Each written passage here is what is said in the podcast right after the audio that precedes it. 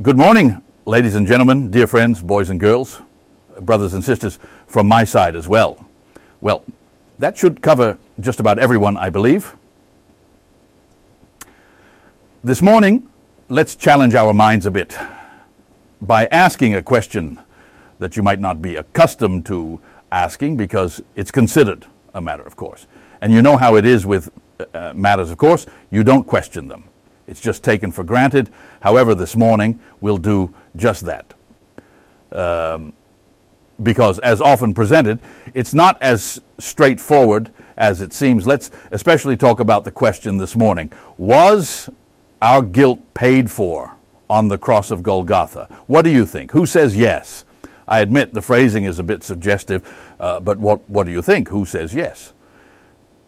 I admit I didn't plan it out so cleverly. I think if I had presented it differently, more hands would have gone up. Of course, uh, you were already hesitant, completely unjustly, by the way, uh, because you're just giving the answer you believe it to be. Uh, but let's examine that because if you have a traditional church Christian background, this is a very obvious thought. Well, our guilt, that remains to be seen, as many people struggle with that. Because then comes the follow up question Did he also pay for my guilt? But that's not really the point now. It's more about whether he paid for guilt on the cross. Did the cross have the significance of a guilt payment? Let me take you to the Heidelberg Catechism, even though there are many denominations, both local and nationwide, that discuss this week after week. What I'm showing you now is a Calvinist textbook. I grew up with it myself, and it consists uh, of chapters called Sundays a total of 52 Sundays. Throughout the year, you can consult this textbook with questions, and answers are provided and explained. Let's look at question 40 from the Heidelberg Catechism, which goes Why did Christ have to humble himself to the point of death? Why? And the answer goes like this Because, due to the justice and truth of God, our sins could not be paid for in any other way than by the death of the Son of God. So, the death of the Son of God, that was a payment for our sins. And why was that? Well, it was because of the justice of God. God's justice demanded payment for sins. I'll continue with an evangelical preacher in America, a well known Christian apologist, someone who defends the truth of the Christian faith. Josh McDowell wrote in the booklet More Than a Carpenter when he, referring to Jesus, went to the cross almost 2,000 years ago, a holy and righteous God poured out his wrath on his Son. And when Jesus said, It is finished, God's righteous nature was satisfied. Then he goes on. You could say that at that moment, God got permission to treat humanity with love without having to destroy a sinful person. This thought, this idea, is deeply embedded in our traditional Christian DNA, so to speak. And we all know the expression, He died for our sins. Yes, but why? Well, it's explained here. I just read from the Catechism and now from a booklet by an evangelical theologian. It's, it's so common. This is how the meaning of the cross is explained. Jesus had to die. Why? We had guilt. Humanity was guilty and that guilt had to be paid because God is just. He's not just loving, as it's always said. God is not only loving, God can't just forgive. No, He would be merciful. That would be unjust, people think. And His justice demanded compensation, satisfaction. In theology, they speak of reconciliation through satisfaction. And you won't find that term in the scriptures, but God's justice had to be satisfied. And what they say is that it happened on the cross. Was the guilt paid? The guilt that humanity, the world couldn't pay. He paid on our behalf. The term substitutionary is also not found in the scriptures. You could immediately ask the question um, where is the forgiveness then? Because imagine this you owe me $100, you can't pay. Now, your neighbor is a very nice person, and besides, he has enough money. He comes to me and says, I'll pay that $100 for my neighbor. For you? Then the debt is paid. Do I still need to forgive the debt? No, right? If a debt is paid, the creditor doesn't need to forgive the person anymore, right? That would be strange, wouldn't it? Precisely when a debt is not paid, the creditor can forgive the debt. In short, in the example just given, there's actually no forgiveness at all. The debt is paid, and the whole concept of forgiveness becomes empty. Yes. How do you read that in the Bible? It's familiar in the Lord's Prayer, which says, Forgive us our debts as we also have forgiven our debtors. Do we do that? Imagine your child. It has done something wrong and should be punished for it. You say, Yes, I am just, I have to punish you. I can't leave anything unpunished or ignore it. Now, the younger sibling says, Hey, Dad, you know what? Don't punish him, but punish me instead. Okay, okay, then I'll punish you. And as soon as I've uh, punished that younger sibling, then I am satisfied and say, I don't need to punish you, the other child, now. You might say, that's, that's bizarre, and I agree. But this is the representation with which we are generally raised and which actually forms the basis of the explanation of the Golgotha cross. And I'll tell you, this is really a huge caricature.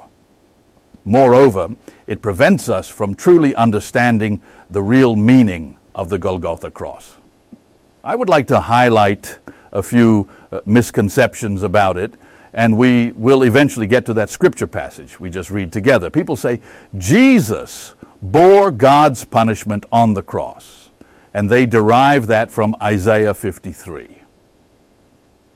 That's the well known prophecy where Isaiah predicts hundreds of years in advance that the man of sorrows, someone from the people of Israel, would suffer and be led like a lamb to the slaughter, like a sheep that is silent before its shearers. A very accurate prophecy, also a prediction, in that people read about the punishment that brings us peace, which was on him. They think of God's punishment, but it's not stated there at all. And even more so, that whole passage is about what the people of Israel did to him. In other words, Jesus did indeed bear the punishment on the cross, but it was the punishment inflicted on him by people. It was Herod, it was the Sanhedrin, it was Pilate who pronounced the, the, the, the, the death sentence on him, and that punishment he bore. That is a completely different thought. Another misconception is that Jesus bore the punishment for our sins. But people then fill in something that is not in the scriptures, but the scripture is decisive. Jesus did indeed bear our sins. Uh, we find that in the scriptures as well. I refer to 1 Peter 2:24. He bore our sins on the cross, meaning he bore and endured everything that the world did to him. We are included in that. He bore everything we did to him. So, not from God's perspective, the punishment for our sins, but he bore our sins, namely what we did to him. That was all sin. On that one day, what he underwent when he was led to the cross. He bore that. Each one was the accumulation of unrighteousness and crimes. Despite the fact that it was all officially pronounced in the prophecy, they were crimes. The Son of God was crucified. It is the greatest sin or the greatest accumulation of sins that has ever occurred in world history.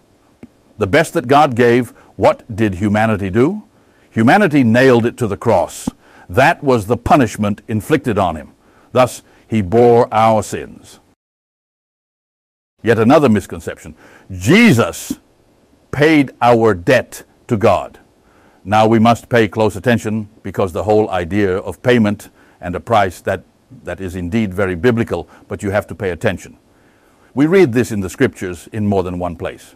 I refer here to uh, 1 Timothy 2, where we read that there is one God, one mediator between God and men, who gave himself as a ransom for all.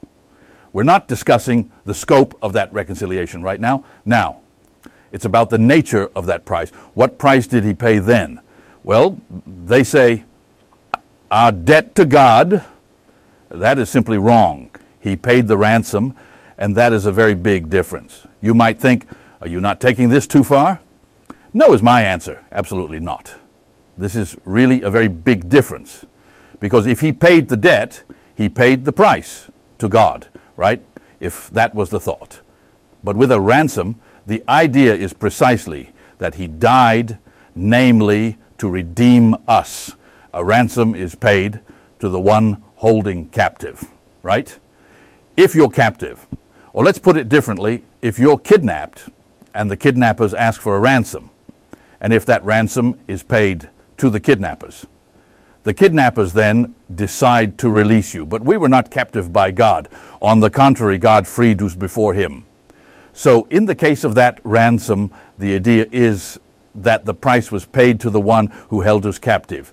And now you could inquire further about that. We won't do that now because that would really be a bit too much. But the thought is especially that he paid the price to death. It is then personified. We are actually talking about a metaphor uh, when it comes to payment, whether it's a ransom or a debt payment. It's a metaphor, it's a comparison, but you have to do it accurately. Look, we were all mortals, captive in death, and thereby also in sin. And what the Lord Jesus did, he died, thereby paying a price to death. Why? Well, to overcome death through it, only by dying. That was the price he paid. By dying, he could overcome death and thus bring life to light and give it to everyone. With that, he paid the ransom. His death was a ransom to redeem us. And yes, now we come to another misconception that is directly related, and that is when people say God demands bloodshed. Why? To be able to forgive. Now, I don't want to go so far as to suggest the idea of a vampire who is only satisfied with blood. I don't want to make that caricature, but this is really not how the scripture presents it. By the way, people do base this on a Bible verse. That's why I want to mention it in this study. Look, it says in uh, Hebrews 9 the sacrifices are explained and the priestly service, etc. And then, uh, sort of between the lines, it says, without the shedding of blood, there is no forgiveness. Hebrews 9:22. And what people say is, see, God must first see blood. There had to be a payment for guilt, otherwise there can be no forgiveness. This verse actually plays a significant role in that regard.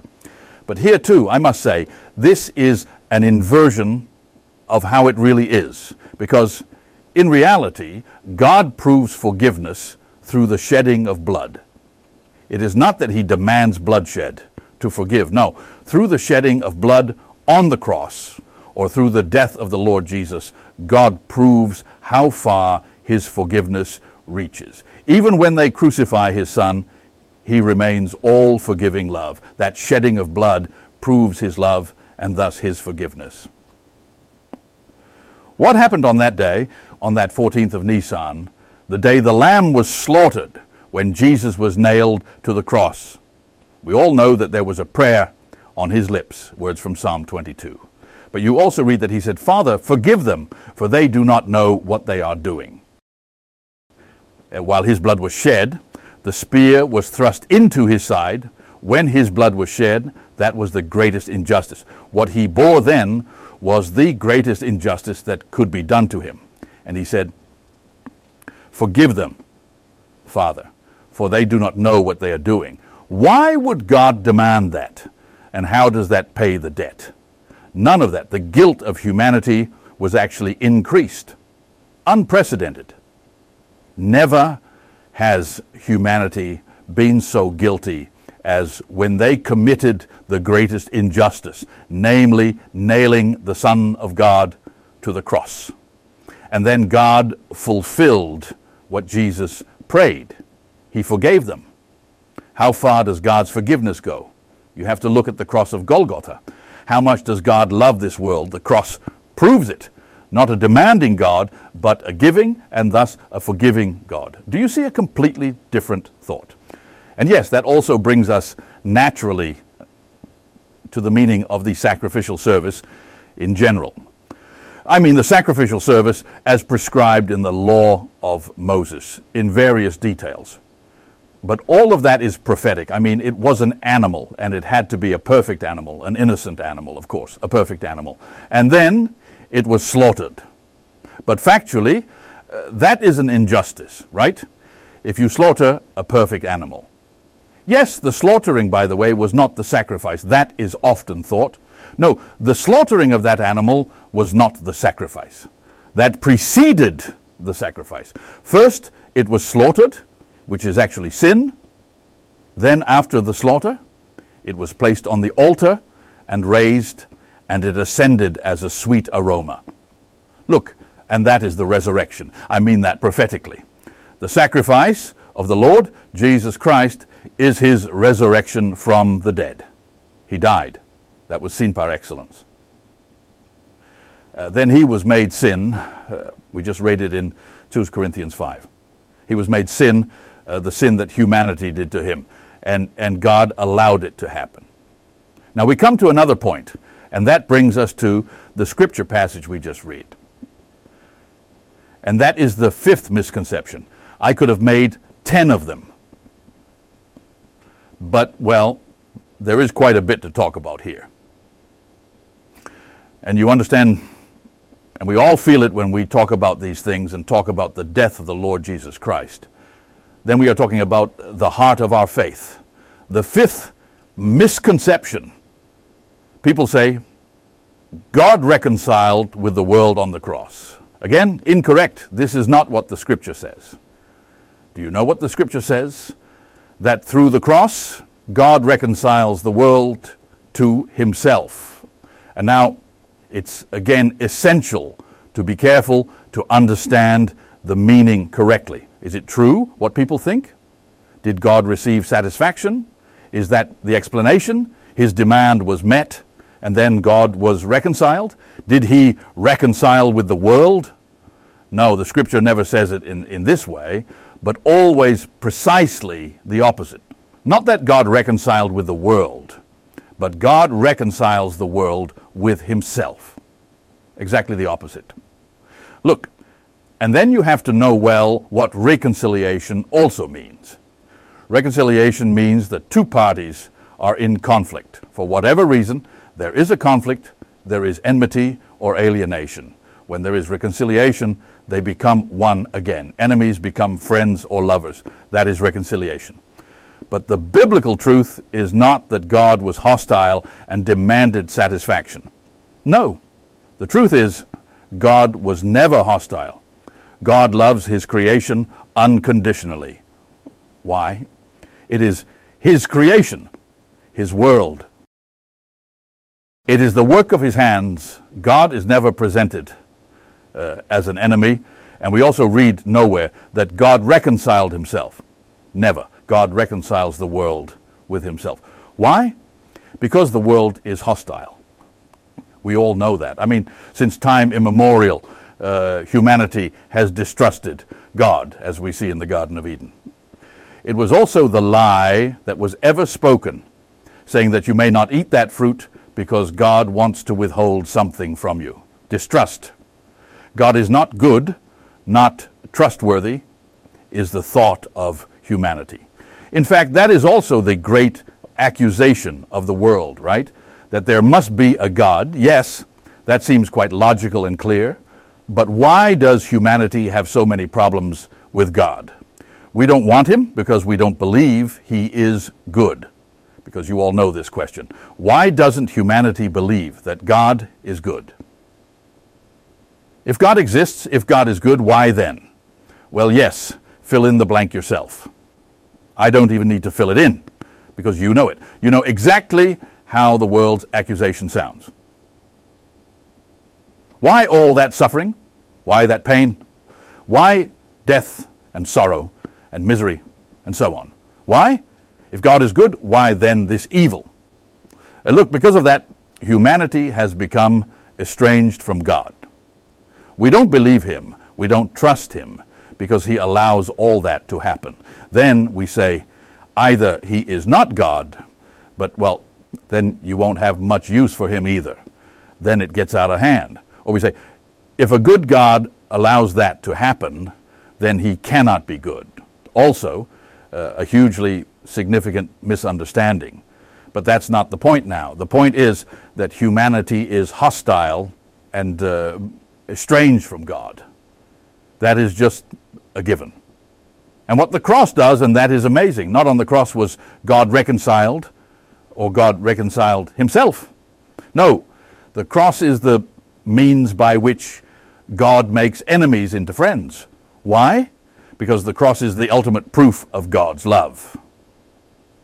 The proof that his love is not small and indestructible, unconditional, precisely when his son underwent the greatest injustice. Precisely then, God proved his love. God showed, I love humanity, and I'm going to prove it. And now, let's go to 2 Corinthians 5. What does the word reconciliation mean? That God reconciled himself with the world. If you say it like that, sorry, then you really haven't understood what reconciliation is. Again, we haven't even talked about the scope of reconciliation. Once you no longer see what reconciliation truly is, you compromise your concept of God.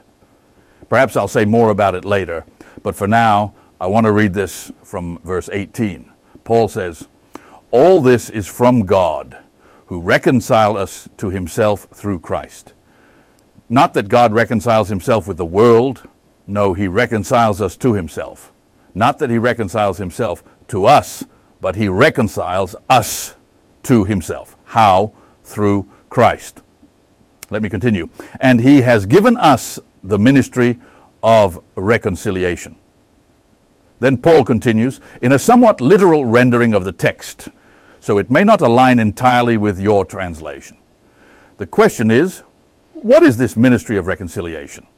Well, it's about how God in Christ was reconciling the world to himself not reconciling himself with the world, but how God in Christ was reconciling the world to himself.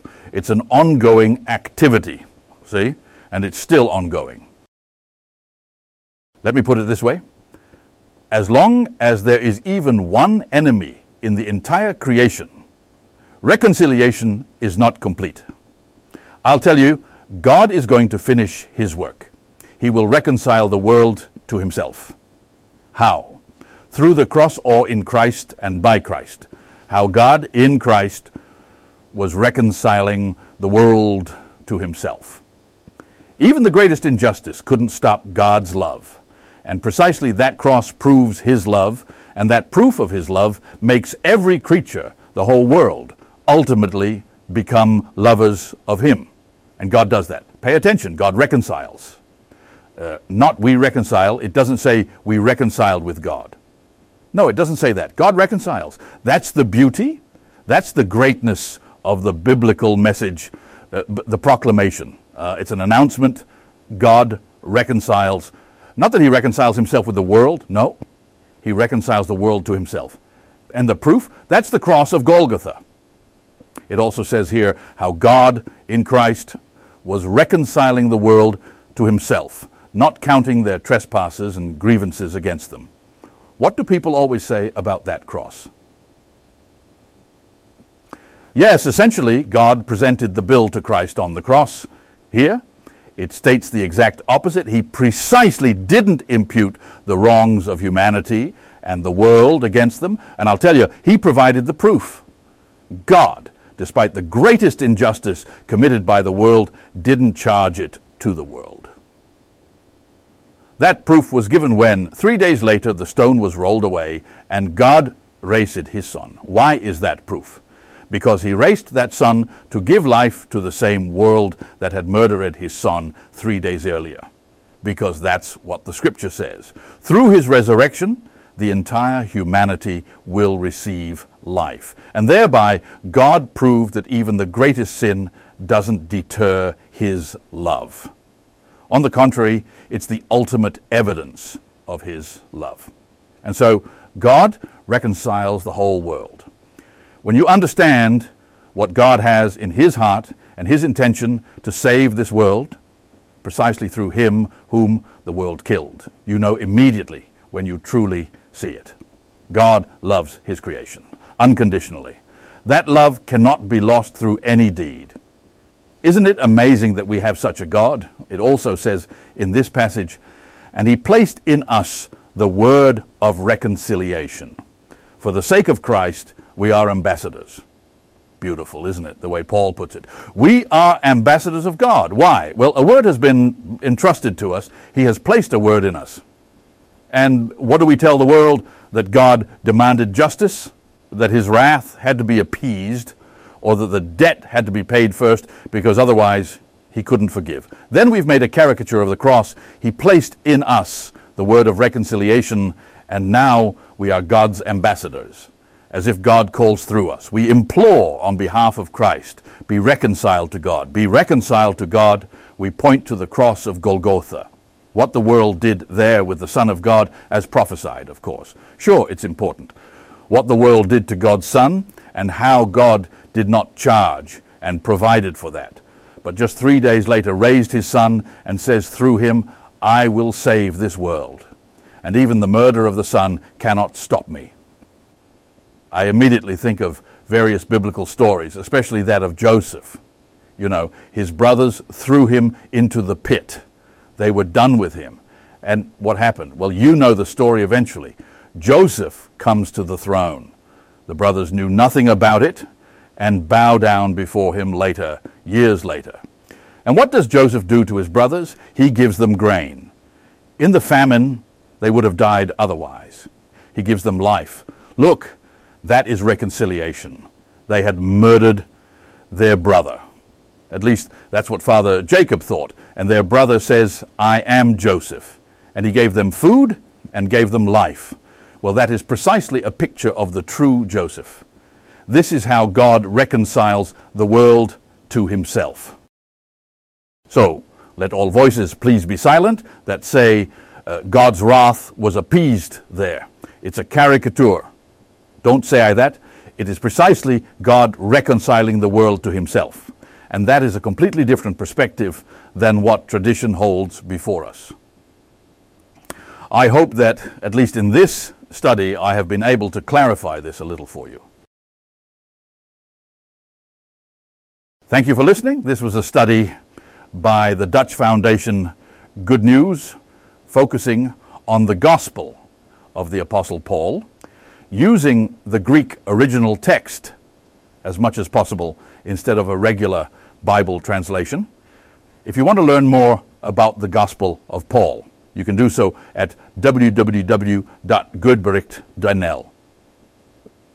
Through the Chrome or Firefox browser, using a language add-on, the Dutch website can be automatically translated into your preferred language. This Bible study was originally presented in the Dutch language and has been translated into your language through AI.